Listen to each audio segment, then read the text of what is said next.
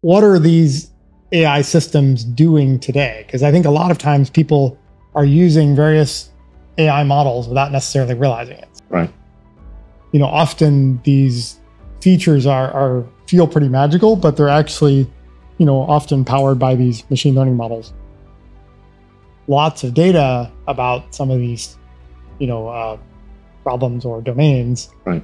but we don't necessarily have the deep understanding to make sense of that data. And so this is where sometimes neural networks, which can learn, you know, fairly complex patterns from data, can actually uh, be useful and can create new insights or create new capabilities that didn't exist before.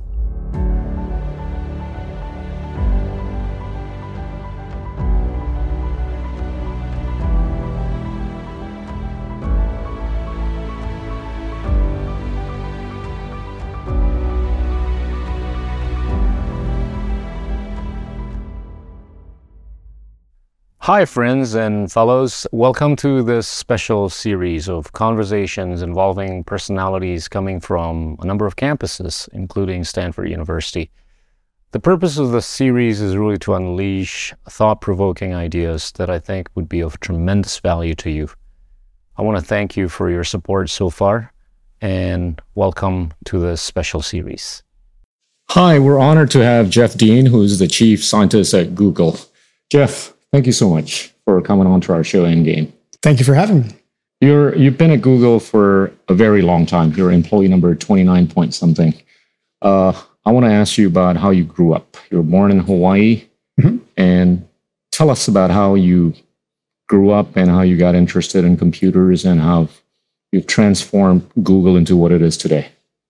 Sure. Yeah. That's that's a loaded a question, but bunch we'll, of we'll start off questions. with your childhood. Yeah, I mean, I think uh, I had a somewhat interesting childhood in that my my dad did tropical disease research for the first part of my childhood, and then switched to being a public health epidemiologist, and my mom did medical anthropology, and so they they somehow like to move a lot. I'm an only child, so uh, every so often we would move. I went to 11 schools in 12 years.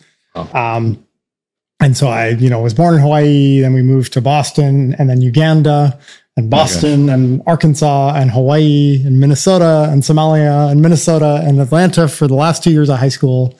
Um, and then I went back to Minnesota for college. Um, and then I uh, ended up working for the World Health Organization in Geneva for a year and a half before going to grad school in Seattle.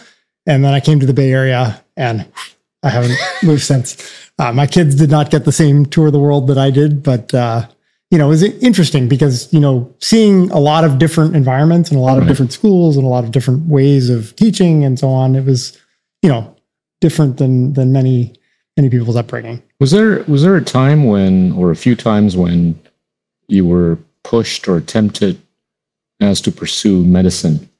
You know, the area of expertise of both your parents. Yeah, I mean, I think I've I have had an interest in in uh, not as a doctor, but as like uh, you know, obviously conversations around Right. the table growing up were all always about Right. you know public health often. Yeah. Uh, my dad actually the the way I got into computing, which is something you asked, was um, my dad was always interested in how could you use you know better information to help make better public health decisions, and so he you know was kind of frustrated at the time. Uh, this was kind of the the the mid to late seventies right. um, where mostly people didn't get to use computers themselves. There was a big mainframe in the basement of some something, and you would This go tell some Atlanta, right? programmer. Uh, no, this was actually in Hawaii, Okay. um, and you know you would go tell someone what you wanted the computer to do, and they would do it, and then you would not have this nice kind of more natural interactive experience with computing that that has come to pass with personal computing. Um, but my dad saw an ad in the back of a magazine for uh, uh, solder it to solder it together yourself kind of kit computer called an IMSAI 8080 um, that he when I was uh, I guess I was nine. So he bought one of these and I I was probably not much help but I like held the soldering iron a little bit and um, helped him solder it together. Uh, it didn't do much at first because it was really like it didn't have a keyboard or a screen really. You could toggle together uh, you, you know toggle in individual bits and then like enter them into memory and you could get little programs going that way. Then we got a keyboard. That was a huge improvement so you could actually type you know actual characters and so on. Um, but i kind of got interested in that as it we got a couple more Right. peripherals. You could start to type in uh, computer games and basic. So you type in the source code of a game. There was a book i got with uh, source code for a whole bunch of different games and you could type it in and then you could play the game. And then I started to get interested in you know modifying the game a little. Like it was a good way for I think young kids to get interested in programming is have something they want the computer to do, and it's kind of very motivating because you can kind of then figure it out uh, on your own or like how do I, how would I make the you know the torpedoes go twice as fast in this game or whatever. Um, so that was my introduction to computing. Um, and then we were actually quite fortunate to move to Minnesota, which uh, at the time had a interactive time sharing system for all the middle schools and high schools in the state. And so every state, every school got a you know a computer account and some computing Right. hardware to dial into this centralized system. And actually, they had um, uh, kind of these interactive chat rooms at the time. So it was Right. sort of like what the internet has become Right. but you know 20 years before that and so Wow. uh, kids in minnesota were living uh, the internet dream uh, earlier than most Then, then you moved on to Seattle for your graduate studies, right Yes. after Minnesota. yeah Why Seattle? um well my wife and i were applying to graduate schools together and you know the the complexity of matching programs that were good in her field and my field uh, university of washington was an awesome pick for us uh, Right. we love seattle a little gray sometimes Little and rainy. and rainy little rainy uh, my hawaiian upbringing is you know uh, kind of spoils the weather for most other places but um, but seattle was great you know i really liked my time in graduate school there and and you know i learned a ton and uh, then i came to the bay area Now, what what made you join Google in 1999? Yeah. So uh, I'd actually come down to the Bay Area to work for uh, Digital Equipment Corporation, Right. uh, a small research lab in downtown Palo Alto. Um, and actually, that was the lab that uh, created Alta Vista, which was an early search engine. So some of my colleagues there did the early sort of uh, you know key work on, on that system, and AltaVista, Uh, you know, at the time had a much larger index than most people. It was a very fast responding system. Um, and one of my colleagues had put together from the crawled pages Mm. in the AltaVista Index a system Right. where you could actually, in sort of programmatic form, see what pages point to which other pages, which is not so hard because you could just look at the contents of the page, but also what pages point to each page. So going backwards in some sense. And so you can navigate this sort of computational graph Right. forwards and backwards with this kind of uh, set of API calls. Um, and that proved to be quite interesting. So a, a colleague, uh, Monika Henzinger and I were working on how could you find related pages to any given web page in the wor- in in the web.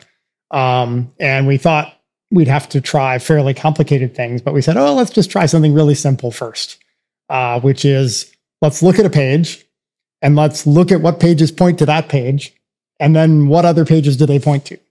And then you just do some counting and frequent things and then you divide by uh, to normalize the probabilities. And all of a sudden you know from the washington post you'd get a list of like cnn and the wall street journal and new york times or you know some page about hiking in the bay area you'd get a bunch of other pages about hiking in the bay area. Wow. and that that caused me to think there's actually a lot of information in Yeah. the link structure of the web.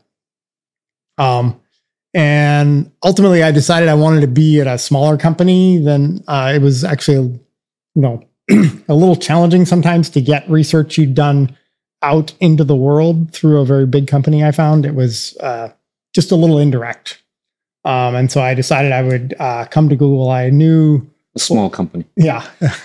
we were all wedged. Actually, we were all of us were wedged in this tiny little area above what's now a T-Mobile store in downtown Palo Alto uh, when I when I started.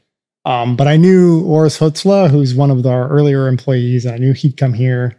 Um, he and I were sort of he's my academic uncle, I guess. Wow. Um, and so I had, you know, chatted with him many times at different compiler conferences because we both had a background in compilers and uh, program optimization. When when did you get the sense that Google was going to be as big as it is today? Did, Um, did you think like that already in 1999?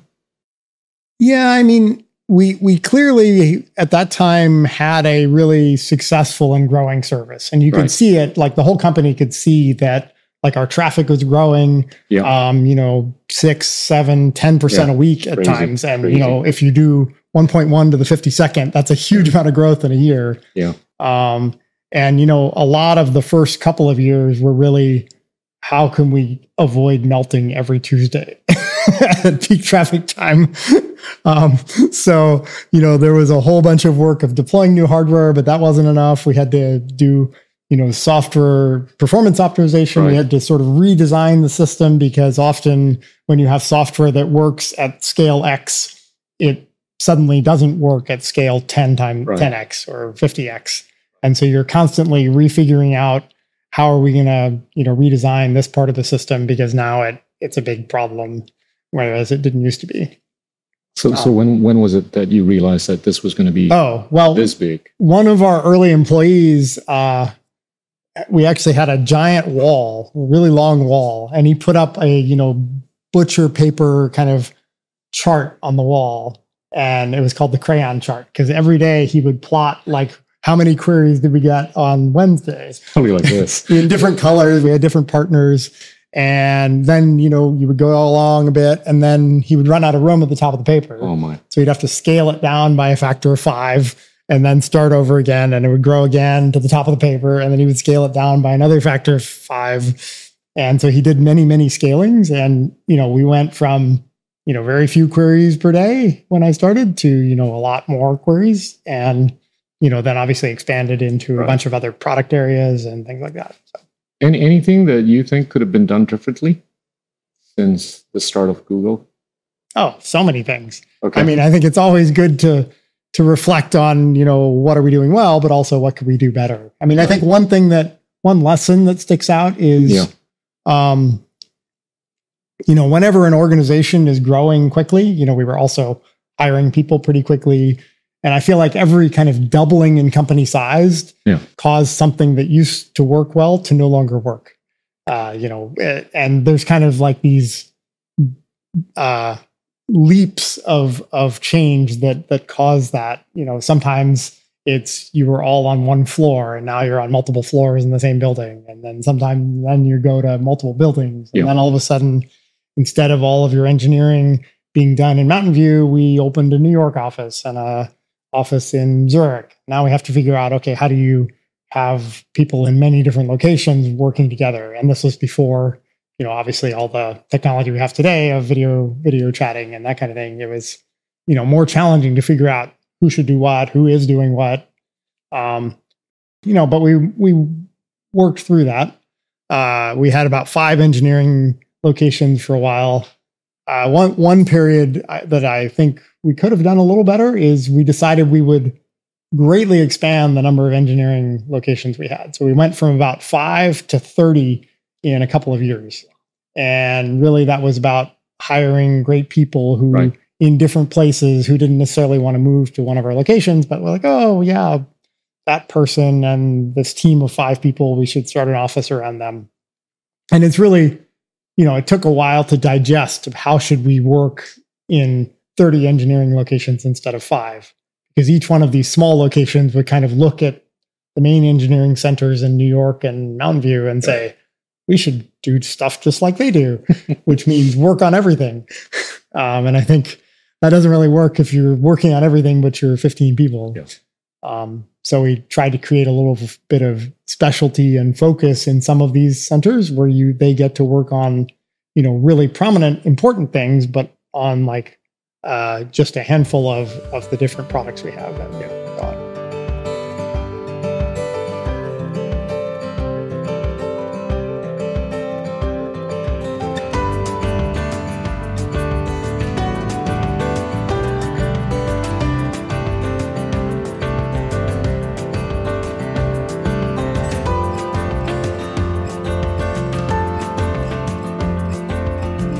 You know, you started studying neural network in 1990. We've been talking about that, right? Mhm. And at that time, it was hugely inhibited by the lack of computational power. Yeah. Do you do you see the computational power having grown as exponentially as you would have thought then today? Yeah. I mean, I got introduced to neural networks in my senior year as an undergraduate, and Right. um, it was kind of a one week module in some class I taught I took, but I was very intrigued by them. It seemed like kind Right. of the right abstraction. Yeah. Um, and so I decided to then work with that faculty member to do an undergraduate uh, research project, uh, undergraduate honors thesis on. Uh, I felt like we just needed more computation, so Right. maybe we could do parallel training of neural networks. So we could get the sort of 32 processor machine in the department um, training a single neural network rather than you know just using one processor. Yeah. Um, I was convinced if we could use 32 times as much computational power, it'd be amazing. Oh, it'd be so great. Uh, turns out I was wrong. Yeah. we needed like well, a you kept mil- saying a million times. yeah, a million times as much Right. computational power, which is sort of what the Right. progress in comp- general computation produced Right. over 20 years or so. And then, you know, through just general improvements in computer architecture, improvements in semiconductor manufacturing processes and fa- fabrication shrinks and so on. Yeah. All of that, you know, compounded to the fact that our phones now are, you know, a hundred times or a thousand Yeah. times as powerful as the Yeah. giant desktop machines we used to use. Um, so I feel like uh, once we started to have about a million times as much computational power in maybe like 2008, 2009, 2010, then it started to be the case that neural networks um, could solve real problems, not just kind of interesting small scale toy problems almost, but they could actually start being applied to real problems in computer vision and Right. speech recognition was like some of the Right. earlier areas we started to look at and then you know various kinds of language tasks uh, you know could they understand words in a way that was different than the way the surface form of the word but really in what context does this kind of word make sense and are there other words that are similar to that and you know what is the past tense of this word and Right. can you you know really understand language more deeply than it's just a sequence of, of characters How how do you see the evolution of the TPUs going forward? Is is it going to get much more exponential than what we might have seen in the last decade or two? yeah i mean we're, i think we're at what TPU what V four now or what? Uh, we've just announced our V5 V5, okay. uh, through Missed our cloud TPU program. Okay, Um, yeah, so we've been building specialized hardware for machine learning and in particular neural networks now Right. for you know quite a while. I think our first TPU V1 was uh, discussed in 2015. Right. Um, but really, it's about one of the nice properties that neural networks have is that they're sort of all described by different sequences of kind of linear algebra style operations, you know, different kinds of matrix multiplies or vector operations. Um, and that's a very restricted set of things you need the computer to do. It's not like you need it to do all kinds of different things like general purpose computing could. Um, and so general purpose CPUs are great for running your word processor, but they're not Yeah. exactly what you want for running machine learning computations because they're they're too general. That generality costs you performance. And instead, if you build hardware that is very specialized to, you know, exactly what the kinds of computations neural networks right. embody, you will be able to, uh, you know, get huge performance improvements. You know, better performance per watt, better performance per dollar, um, performance per overall chip. Um, and and the other property that neural networks have is unlike a lot of kind of uh, traditional scientific computing where you need actually a fair amount of precision, uh, they're actually very tolerant of reduced precision arithmetic. So you could do computations in you know 8-bit integer format or 16-bit floating point format, unlike 32 or 64-bit uh, floating point format, which is typically used for you know weather simulation code or whatever. Um, and that means you can squeeze more multipliers into the same chip area Yeah. and get higher performance. Okay. you've you've talked quite frequently about some of the constraints with respect to the neural network. the modalities, multitasking versus single tasking, Mhm. and sparsity versus density. Yeah. Talk about those. Sure. I mean, so, I mean, neural networks are sort of loosely inspired by how real biological neural network neuron neurons work. Right. Uh, in that they the individual unit in a artificial neural network is something that takes in some inputs right. and then has weights on those inputs. How important does it think this input is versus that one? Yeah. Um, and importantly, those weights are learned by through a learning process. Uh, and then the neuron takes all that input and then decides The artificial neuron. the artificial neuron and and loosely inspired by what real neurons Right. do is it decides what output it should produce. Should it fire in some sense or should it produce nothing? Right. um, and, or and, and how strongly should it fire? And so that's really what a neural network is. Is it's composed of a whole bunch of these individual artificial neurons, Yep. all typically arranged in layers. So you have you know the lowest layers that take in very raw forms of data, be it you know pixels, a small patch of pixels of an image, or Right. a little bit of audio data in you know audio form, uh, or you know a few characters of uh, textual input, um, and then they sort of um, build interesting features. Let's let's discuss images because I think that's Yeah. like a very Mhm. you know easy way to think about the kinds of features that get built up through this learning process. So, um, you the lowest level features tend to learn very simple things like is there a line at this orientation in this part of the image or this orientation? Or is it like mostly gray? Or is it mostly red? Or is it like um, you know a different color? Right. um, and so different neurons will get excited by when they see different patterns like this one gets really excited it's like bright red wow exciting and this one has a line like this um, and so as you move up the layers what's happening is these l- neurons are taking input from the lower level ones Right. and they're learning kind of more interesting and intricate patterns that are based on combinations of the features Right. that cause these lower layer neurons to get Right. excited so like now it's like oh it's red and it's got a line through it like this that's really exciting um, or it's got an edge with red mostly on one side and not on the other Right. um, and as you move up farther and farther, the the features become more and more complex. So you might have something that's got like something that looks like a wheel, or something that looks like a nose, or a Yep. you know a eyebrow, or things like that. And even higher, you get sort of fully featured things like, oh yeah, this one fires when there's a car Mm. with a front on view of the car, or something like that. And and I think that that kind of process happens because typically you are training the neural network um, you know there's a lot of different ways of training it Mm. but one one of the simplest is um, what's called supervised learning where you have Yeah. some say image data and then you have labels associated with those images you say okay that one's a car that one's a cheetah that one's a you know a, tree Right. um, and so the output of the model it, at the top level is trying to predict which of these many different categories of images is it and um, the way the training process works is you make a pass upwards through the model, uh, forward pass it's called, and you see what the model predicts. Yeah. And it says, okay, well that that looks like a, you know, a tower, and but maybe it's really a tree.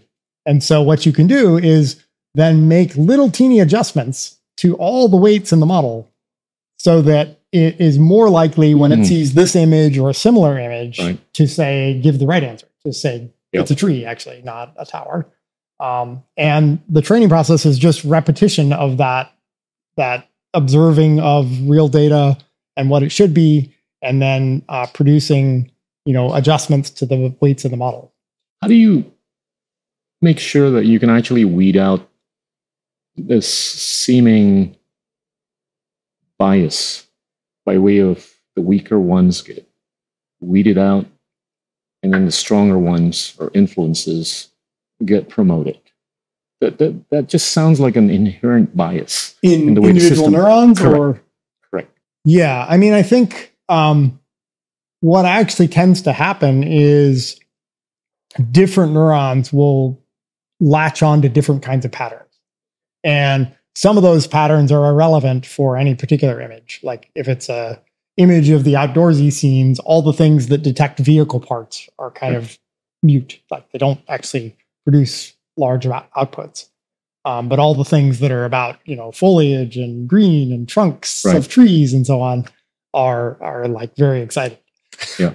um, and so I think you know part of training a neural network is you want this diversity of uh, different kinds of patterns that the model can learn, and also you need the model to have enough capacity, enough Right.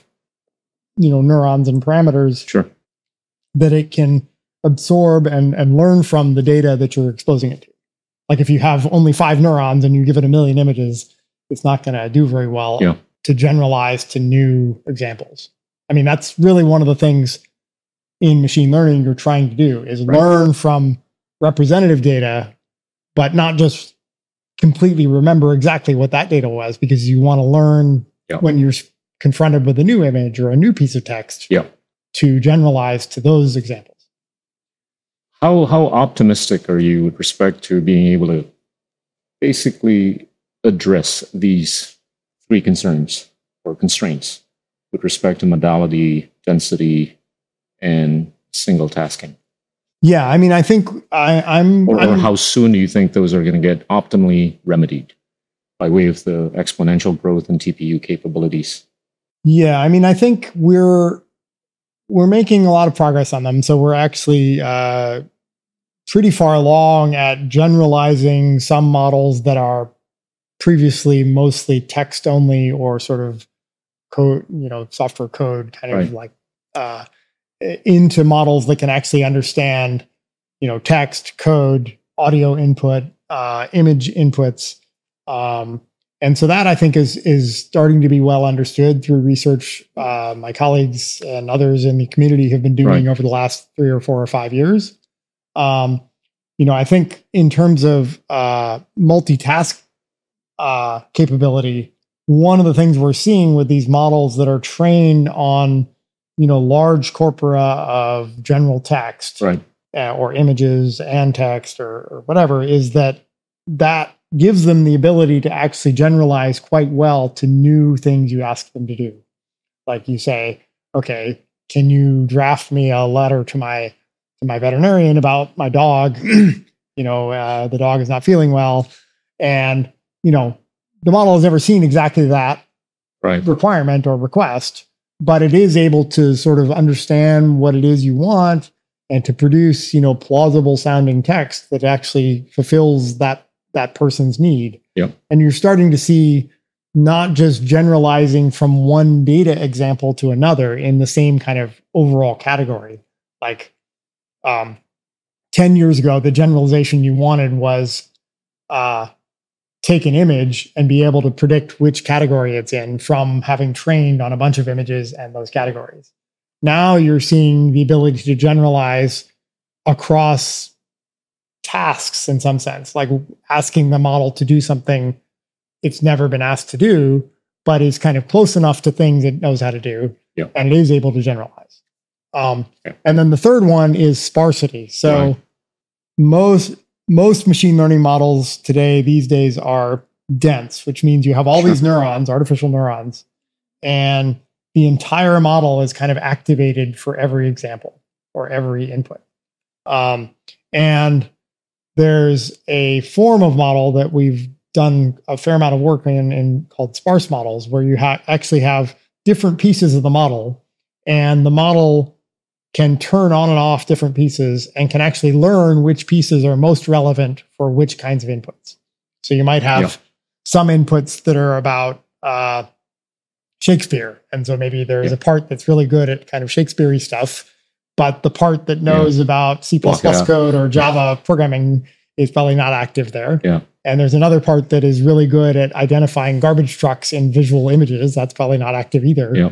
But you want these this model to have a lot of capacity. Right. So it's got a lot of pieces of it that it can call on, but it doesn't need to call on all of them for everything. Hmm. And that creates a much more efficient model uh, because now instead of activating the whole model, you're maybe activating 5% of it. And that makes it much more energy efficient. uh, but you still have this capacity to remember a lot of stuff.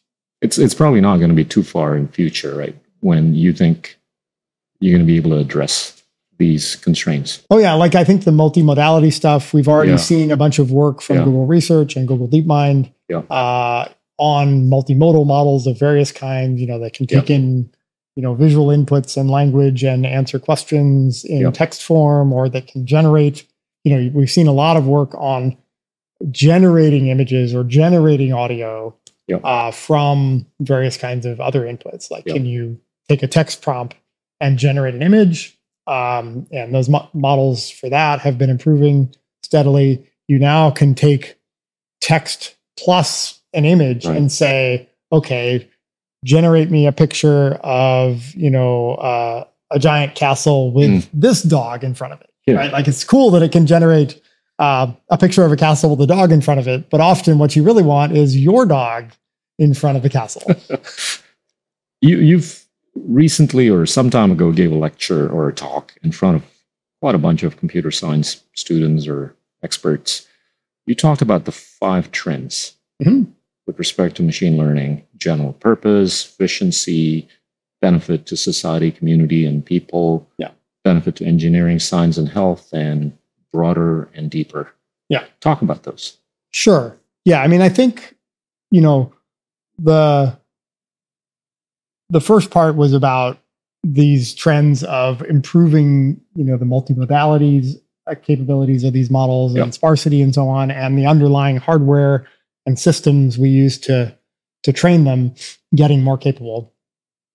Um, the second part, it was about, uh, or another part of the talk was about, you know, what is what are these AI systems doing today? Because I think a lot of times people are using various AI models without necessarily realizing it. So, on, for example, the Android phone, there's a lot of capabilities in that phone that are powered by various kinds of models. So it can like screen your calls for you, and it can, uh, you know, you can say, yeah, I don't want Right. to pick up my phone yet. I just want to like understand what it is this person Mm. wants, and then it can relay a transcript of what they said. You know, they say, "Oh, this is hi, I've, I'm Fred. I've got a delivery for you at the front door, or whatever." Um, or that can, um, you know, on the phone, you know, do various kinds of computational photography techniques to enhance the images, to be able to remove, you know, that annoying, unsightly telephone pole in the background when you took your photo Right. um, or a variety of other things. And, and I think, you know, often these features are, are feel pretty magical, but they're actually, you know, often powered by these machine learning models. And then another part was about how um, AI and machine learning is really accelerating a lot of uh, aspects of scientific discovery. Right. Yeah, I mean, I think um, one of the things that, particularly in in fields where there's a fair amount of data and you're trying to like pick up on complicated patterns that are not well understood, um, genetics or healthcare or uh, you know various kinds of uh, weather prediction. Yep. You know, a lot of these things have the the property that there is lots of data about some of these, you know, uh, problems or domains, Right. but we don't necessarily have the deep understanding to make sense of that data. And so this is where sometimes neural networks, which can learn, you know, fairly complex patterns from data, can actually uh, be useful and can create new insights or create new capabilities that didn't exist before.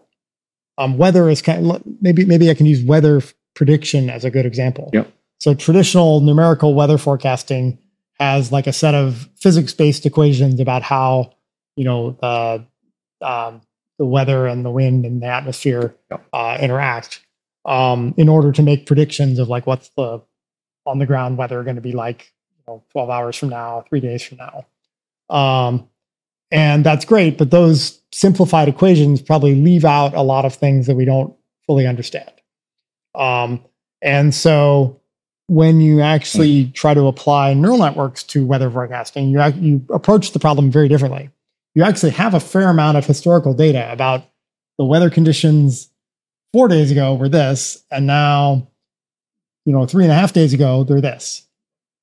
Or, you know, even three years and one day ago they were this, and now three years ago they were this. And this sort of gives you the ground truth of what your model should predict. So, given the weather a thousand days ago, can you predict the weather 999 days ago? Um, and that actually turns out to be a fairly successful approach for weather prediction. And you have kind of ample amounts of data to train on. And then you want to generalize to, you know, new weather situations you've never seen before and yep. also to the future. So how how soon do you think we're going to be able to? I mean, machine learning has done so much, so well, so fast with respect to reading text, mm-hmm.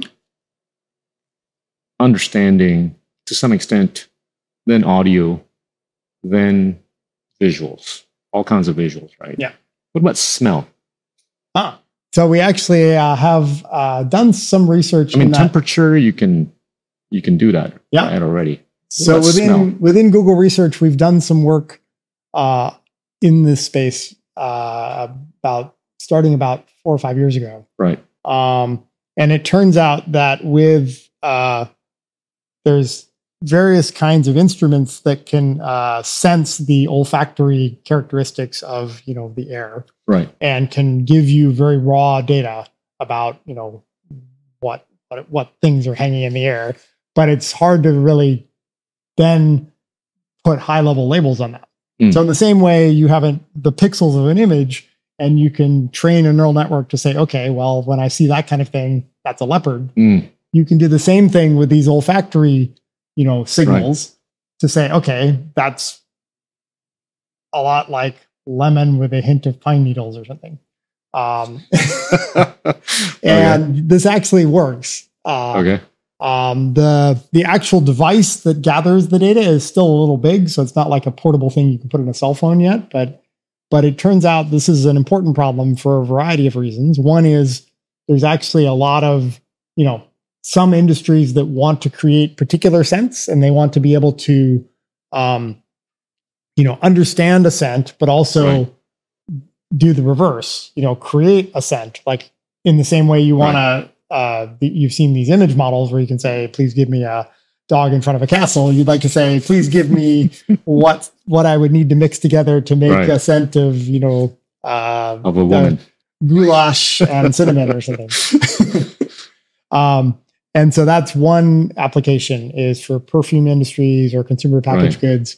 Uh, but another one is potentially in healthcare related things. There's sure. some evidence that dogs, which have particularly sensitive mm. uh, noses, can actually, yeah. you know, pick up on subtle subtle signs of of cancer in some cases, mm. and so that indicates that maybe there's signal in these olfactory raw data that could actually be used for health purposes. Any anything else that we should anticipate in terms of what could be cool about what ML could be doing to humanity? Oh yeah, I mean, I humanity? think uh, I I'm pretty optimistic about a, a, bunch of different application domains. I mean, I think right. one is in the area of education. Right. So, okay. you know, we're not quite there yet, but it's close to being able to say, can you please tutor me on this? Wow. And, you know, you take in a chapter of a textbook. Yeah. And you can imagine a system that, you know, absorbs that, that chapter or, you know, maybe multiple chapters from different books. And then, you know, asks you questions, assesses the the the correctness of what you answered, you know, identifies areas where you could use more um, you know, more depth and ask you more questions about that kind of thing, fewer wow. questions about stuff that you seem to already know pretty well.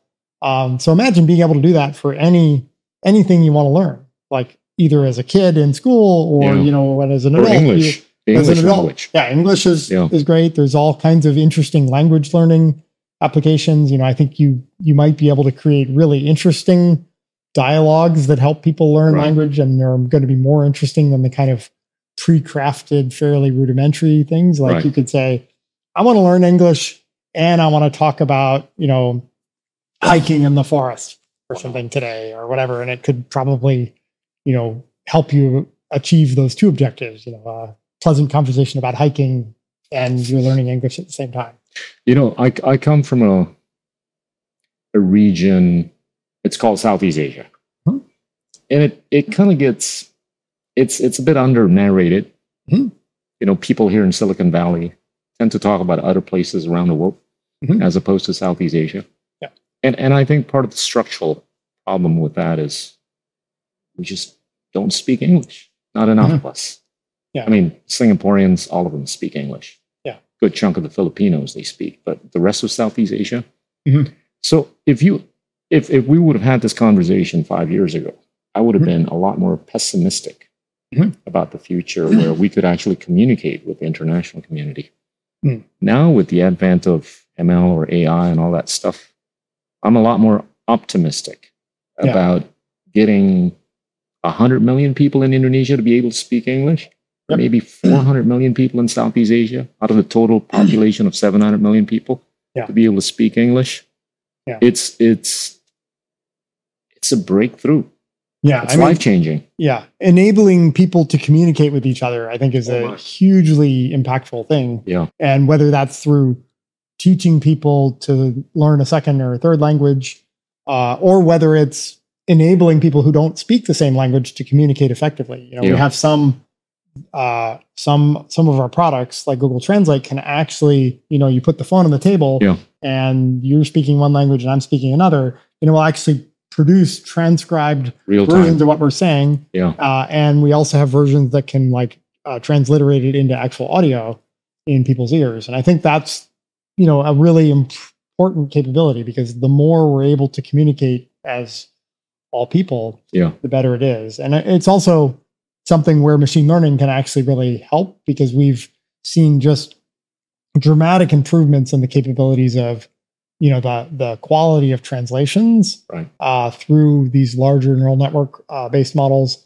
as well as speech recognition and speech uh, production for you know not just five or ten languages but actually for you know 100 languages google translate supports more than 100 languages today um, which i think is you know really important we have actually have an ambitious goal to support a thousand languages in our Wow. products and this is sort of a Well, we have a 700 of those in just one country, Okay. Indonesia. Yeah. Yeah. we call them dialects. yeah yeah so i mean a thousand languages is not yeah i think there's something like 7000 spoken Right. languages in the world and a thousand covering Thousand the top thousand would be, heck of a would be amazing Yeah. um, even you know the top 100 covers a lot but there's still in the next 900 there's a lot of speakers who are sort of left out if we don't uh, support uh, those languages and so we definitely want to do that I want to I want to talk to you about sustainability. Okay. And and I'll I'll draw the picture in terms of how things are a little bit different in developing countries, right? I mean, the, I've been saying the narrative of sustainability is elitist Hmm. because you know it resonates to about 15% of the population of the world whereas the 85% they're they're a lot more worried about putting food on the table right right Yeah. and and you know they don't mind stopping you know using coal today as long as the alternatives are Right. affordable. Technologically alternatives are available Mhm. but economically they're just not affordable for most people on the planet Right. Yeah. what what what do you think google or you as a scientist could be thinking about what can be done to bridge the gap between the narrative of sustainability Mhm. and the narrative of development. Yeah. Because I think it's important for the planet to be collective about this, yeah right? In terms of attaining Right. carbon neutrality by 2050 or 60. Yeah. There, there, there just seems to be no realism Hmm. when, when we hear the rhetoric of attaining carbon neutrality by 2050 at the rate that we're seeing a bunch of these people here that just can't afford it. Yeah. You know, the technologies. And, and I'm sure you got a lot of smart people here in this building Mm-hmm. that can figure out how to make things a lot cheaper economically by way of technological innovation that's been very exponential. Yeah, I mean, I think th- this is clearly a planet-wide issue, Sure. right? And we all need to be working together on this. Yeah. Uh, and you know, it is definitely the case that the more economically developed countries have produced way more emissions in Well, the history. We don't have to get there. yeah, but uh, you know, I think there are a few sort of positive signs. So one is the cost of renewable energy, like solar panels, uh, have been kind of on a you know dramatically improving curve, a bit like computation was you know 15 Yeah. years ago. We're now Still high though. still high. Um, battery technology is improving a lot, Mm. and so the combination of solar and battery Yeah. plus wind is becoming much more affordable. In fact, in many parts of the world, I think if you look to install new power capacity, Right. that actually becomes the economically rational choice. So Yep. that that that's a good thing because I think um, one of the issues we've had is uh, in the world is just there's things that are not factored into people's decisions. Like Right. uh, you know, if I install another coal plant, it's cheaper for me, even if it that necessarily causes uh, indirect uh, emissions that um, you know impact everyone. Um, so we've been looking at what are things that we can do to improve sustainability and reduce emissions with technological solutions. Right. Um, so uh, one of them is uh, a project called Greenlight, where basically by using traffic patterns that we can observe through Google Maps, uh, we can actually identify ways in which cities around the world can make improvements to their traffic infrastructure, to signals and so on, to actually reduce idle time at uh, you know intersections. That's actually a major source of emissions. Is just Yeah. cars not going anywhere. You know, it's also a situation where people don't really like not going anywhere. You're in your car to go somewhere. uh, and the emissions, like from the idling engines, actually are pretty harmful. Um, and so, w- with Greenlight, we can actually make suggestions to different cities all around the world uh, and have them adjust the stoplight timing. You know, most stoplights in the world have fairly simplistic methods. It's sort of like, is it rush hour or not? Is kind of the Yeah. the level of sophistication in, in many of them. Uh, but now we can actually say, okay, Tuesdays between you know 10:37 Right. and 11:30, you know, you should set the signal timing to 42 seconds instead of you know 35, and you'll get way more throughput on your your roads. You Right. mm, you know, 90% reduction in the number of people who need to wait through a second light cycle, for example. Yep. Um, and so we've actually got pilots going with 12 cities all around the world. I think it's on like four or five continents, and Jakarta is one of them. Oh. Um, and so we're Okay. actually seeing quite positive results from that. Okay. Uh, and we're sort of learning from that early uh, experience partnering with those cities and trying to sort of expand that program. Uh, but that has, you know, rolled out much more broadly would have a huge potential impact on reducing emissions. And it also would help people by, you know, getting them where they want to go faster, which is also a nice side benefit. Um, another area where I'll talk about is uh, contrails. So, you know, the, the, the sort of long linear clouds you see behind airplanes sometimes. Yep. Turns out those are actually a lot of quite harmful for Yep. carbon emissions Yep. because they trap in heat in, at certain times of the day. Okay.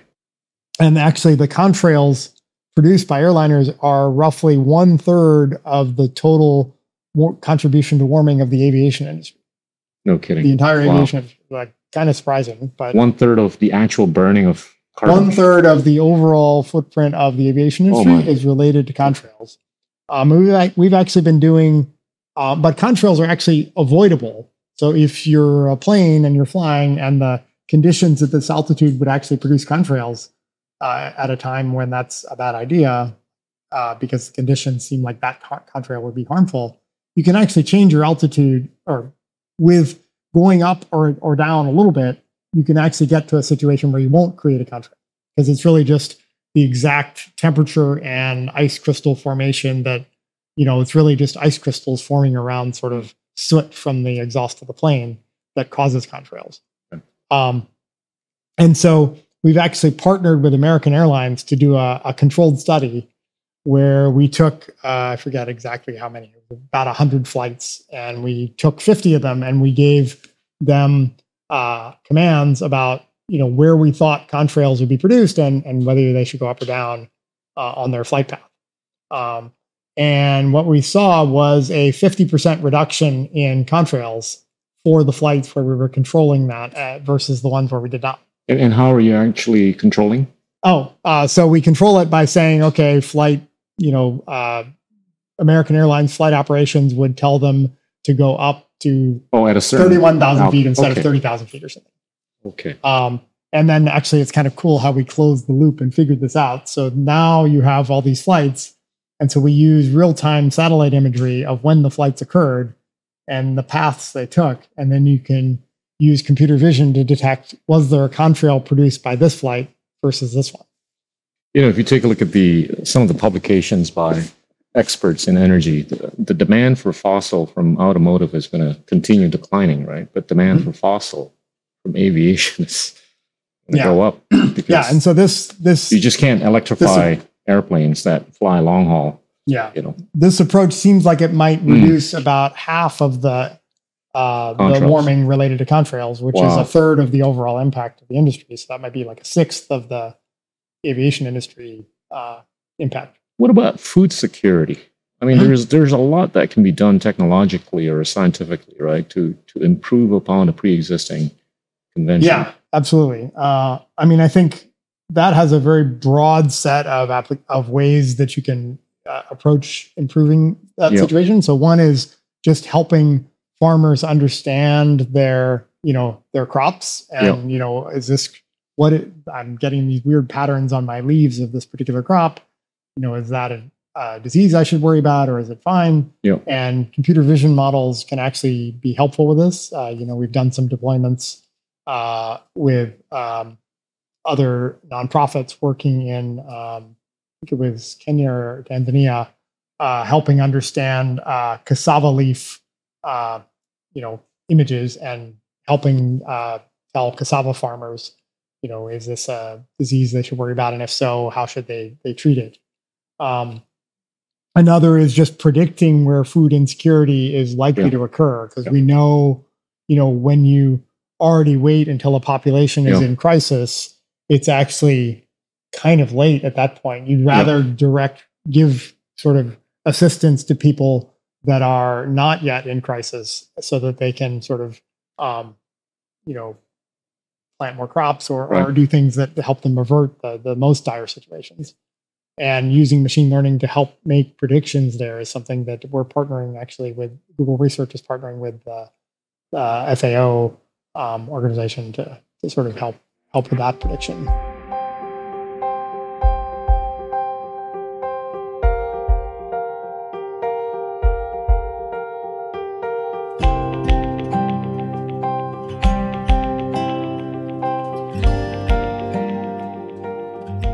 Let's talk about AI. Okay. Convince us that it's going to lead up to a good future. Yeah, I mean, I think obviously there's a lot of discussion around this. As, I mean, let me let me just okay. you know put some context to this. Sure. There, there is a sense, at least from a layman like me, that it's not being pushed forward in a in an adequately multidisciplinary manner. Mm-hmm. It just seems highly technological, right? Without roping in those people that are expert in culture, economics, mm-hmm. environment, mm-hmm. spirituality, philosophy, and all that good stuff. I just think that those are important, mm-hmm. right? Mm-hmm. Yeah.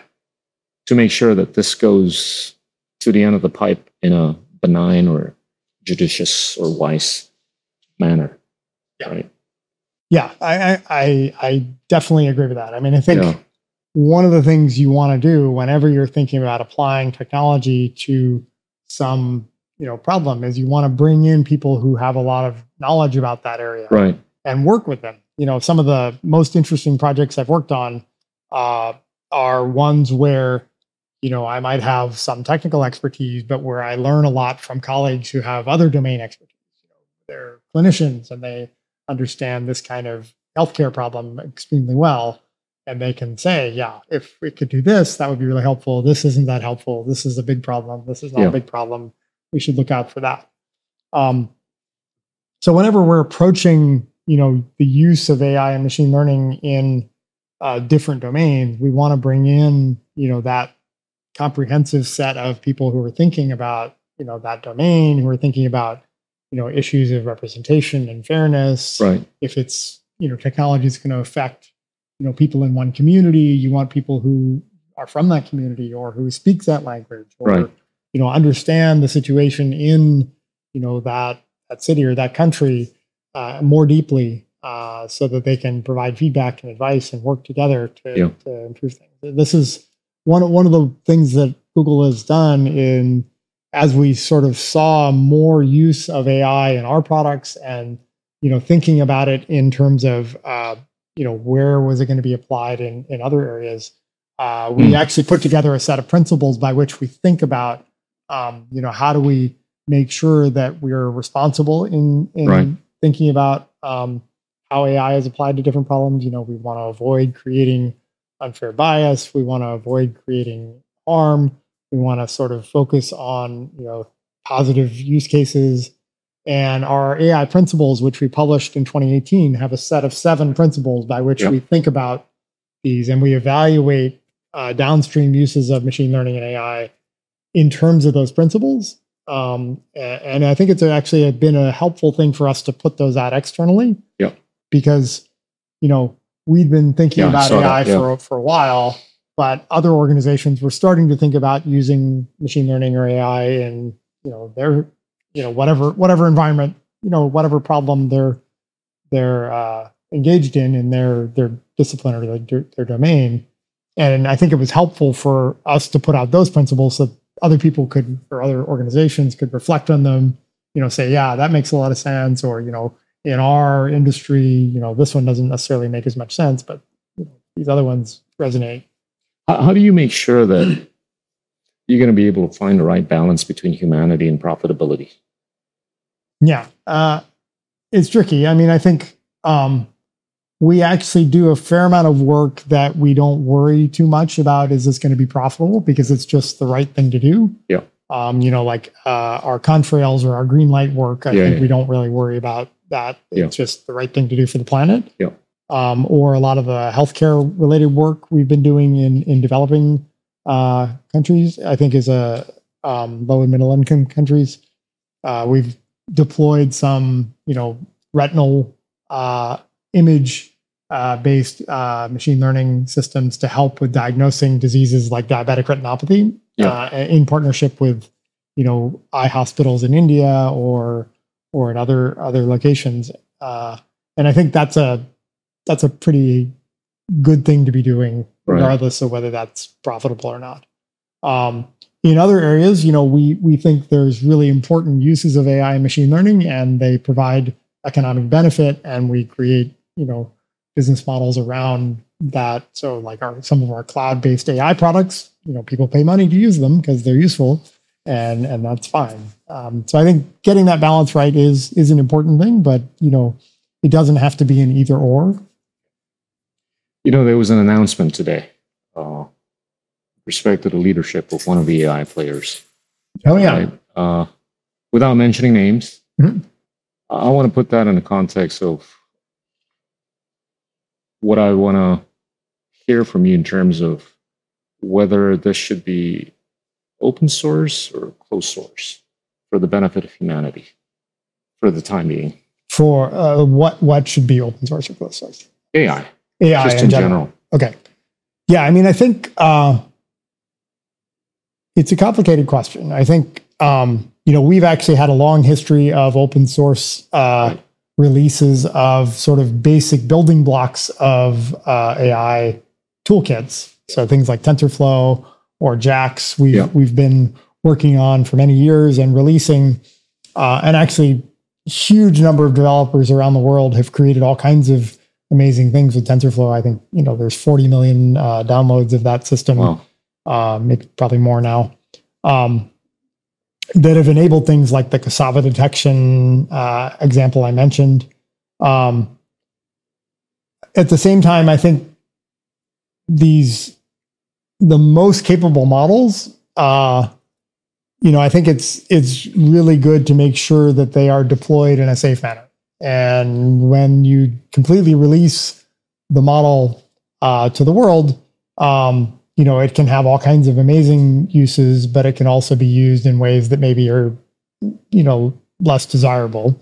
And you don't really have control of that. Uh, that doesn't mean we shouldn't open source models. I think it, it it's a balance, right? Like we want, you know, amazing models that are open source that people can do all kinds of good things with.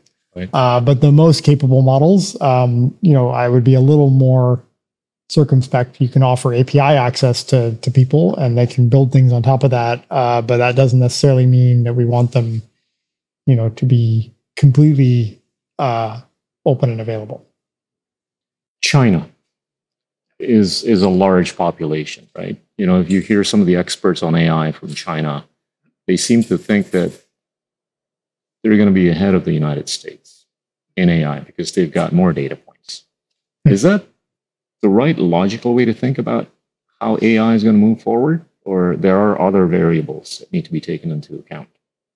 Yeah, I mean, I think uh, obviously AI is being worked on all across the world, Right. uh, including in the U.S., including in China, and many people in Europe, and you know all over uh, Asia and Southeast Asia. Yeah. I think it's a you know it's it's a technology that is very relevant to many many things, and so it's natural that there's lots of work on it everywhere. Uh, I, I mean, I think.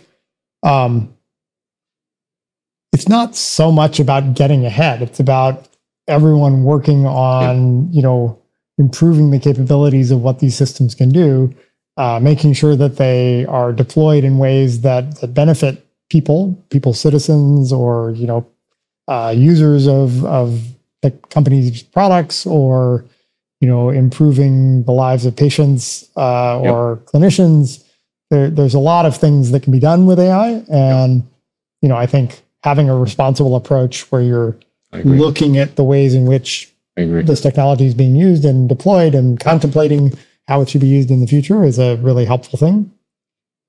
You know, if, if, if you take a look at some of the reports on the value proposition coming from AI, right? I mean, some pontification might say it's going to be between 50 to 100 trillion dollars worth of economic value in the next 10 to 15 years, right? Right. It, you know, I come from a developing country and you've grown up in some developing countries, Mhm. right? In Africa and all that, right? It, it just seems from an intuitive standpoint that most of the value is going to accrue to just the United States and China, Hmm. right? I mean, this is coming from me, right? My Okay. perspective, right? Yep. Sure. I I want to hear, you know, what your views are with respect to how people in Southeast Asia Mhm. could actually feel confident about being able to capture a little bit of that value proposition, which could amount to 50 to 100 trillion dollars globally Mhm. speaking in the next 10 to 15 years. Yeah. I mean, I think uh, What what do we need to do to make sure that Yeah. we're relevant, that we're Mhm. participatory in this narrative? it's actually a, a really good question. I mean, I think the the sort of increasing interest in AI and machine learning is something that I think you want to encourage people in, you know, your country and other countries to to learn about these technologies, Yeah. to identify ways in which they can be applied by local companies, by local, you know, universities and and people developers in in your country. I think that is a way in, in to make sure that everyone participates in what is the potential, you know, benefits of AI, both kind of societally but also economically. You were asked this at the TED Talk. I'm going to ask you again. How do you how do you make sure that you're going to carry forward the pre-existing negativity into the future? That we don't carry forward that. Yeah. Yeah. Um, in terms of like, Well, I mean, you know, inherently there's something that's negatively biased, right? Yeah. With the pre-existing technology, right? What do you do to make sure that that's not carried forward? yeah, I mean, I think with, it- with respect to what's good for humanity, with respect to what's good for the community and the person and all that stuff. Yeah, I mean, I think this is definitely one of the risks of AI and machine learning is these systems learn from observations about the world. Right. And if they observe the way the world works and we are unhappy with the way the world works in certain certain ways, these systems will learn to replicate that behavior Yeah. and maybe even accelerate it because now you can have an automated decision about, you know, uh, uh, as one example, who should get a home loan or not. You know, we know, uh, you know, those are not always based entirely on fair decisions. They're sometimes biased in various ways by, Yeah. you know, human fallibility. And that can be perpetuated if you train a machine learning model on biased home loan decisions. You will now have an automated system that makes biased home loan decisions. So there's a lot of work on how do you take data that itself is biased, Yep. make sure that you can tr- can correct a model so that it doesn't have that form of bias, uh, but it does have uh, you know other kinds of properties. You know, a lot of these things are learning statistical associations between things, Right. and some of that bias is completely appropriate. Like if I um, you want the model to know that the word purr is associated with cat, right? That's that's biased, Per but it's per- PUR? PURR, like, but you know that's not a bias we're particularly concerned with. But there are biases in the model about you know who gets a home loan that we are concerned with, and I think this is partly harkening back to how we think about things in terms of our AI principles. You know, you want to be looking and avoiding harmful or unfair bias. Right.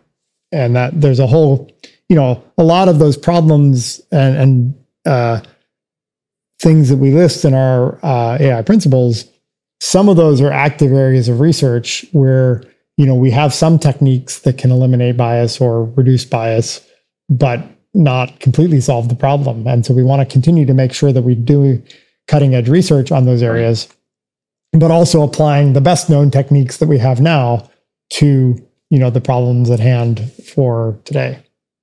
Last question on AI.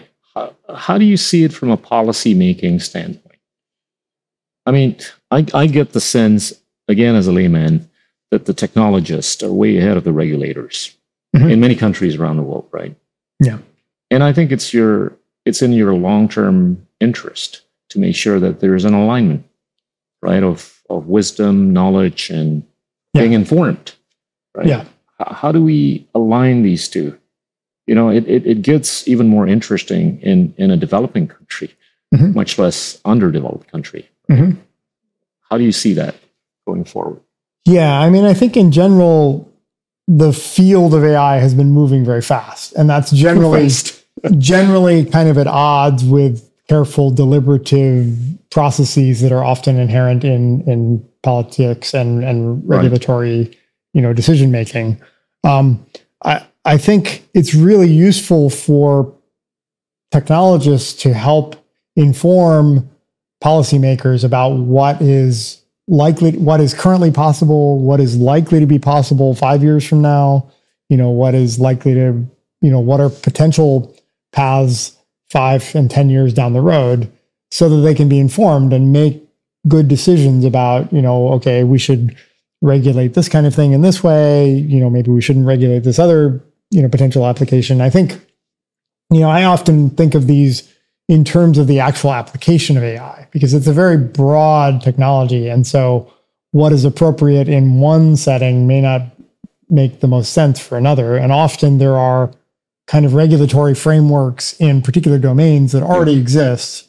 And with some, you know, modest uh, changing or informing about how AI could be used in that domain, that regulatory framework can be, you know, modified but not completely overhauled right like i, I think Yeah. healthcare is a really good one you know Yeah. most healthcare there's a lot of healthcare regulations in lots of places in the world and you know now ai is being applied to some kinds of diagnostic uh, approaches um, but you know regulators already exist in those those domains and are thinking about these issues there's other things which are like completely new domains that AI enables where there isn't sort of an existing regulatory framework. And I think it makes sense for policymakers to take a look at okay, well, what does this technology do?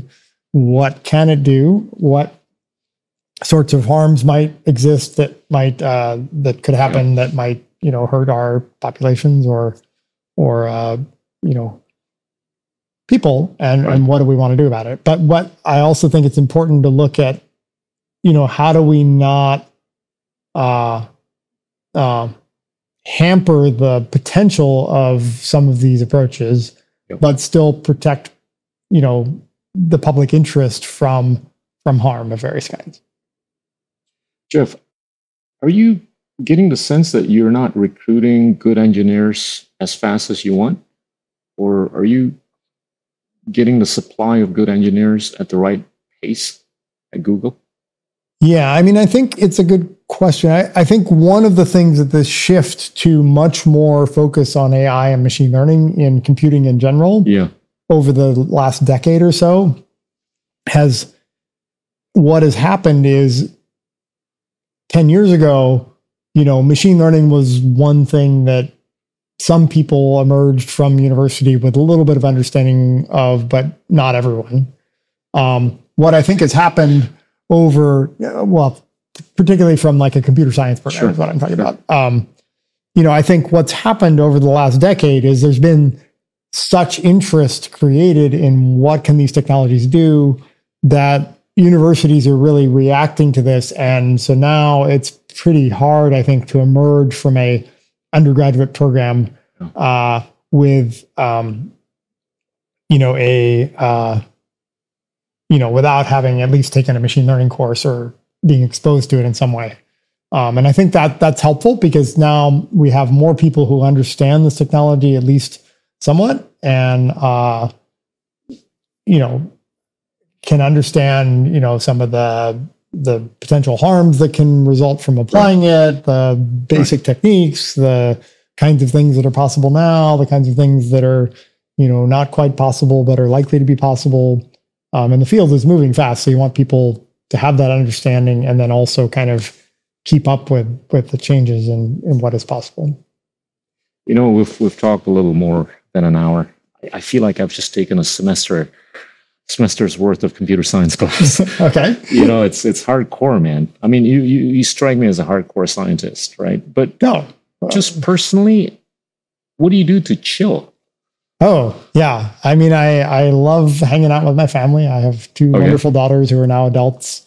You sound um, like you, you you you have cats because you talk about cats all the time. No, I used to have cats. I no longer have cats. Okay. Uh, part of the reason we talk about cats is we were doing some unsupervised learning ages ago. Oh, yeah. Um, basically, we took 10 million random frames from YouTube, random YouTube videos, and we trained a neural network without any labels. So the kinds of patterns the system would learn to, to pick up on. And then we sort of said, oh, okay, what does it learn to, to identify?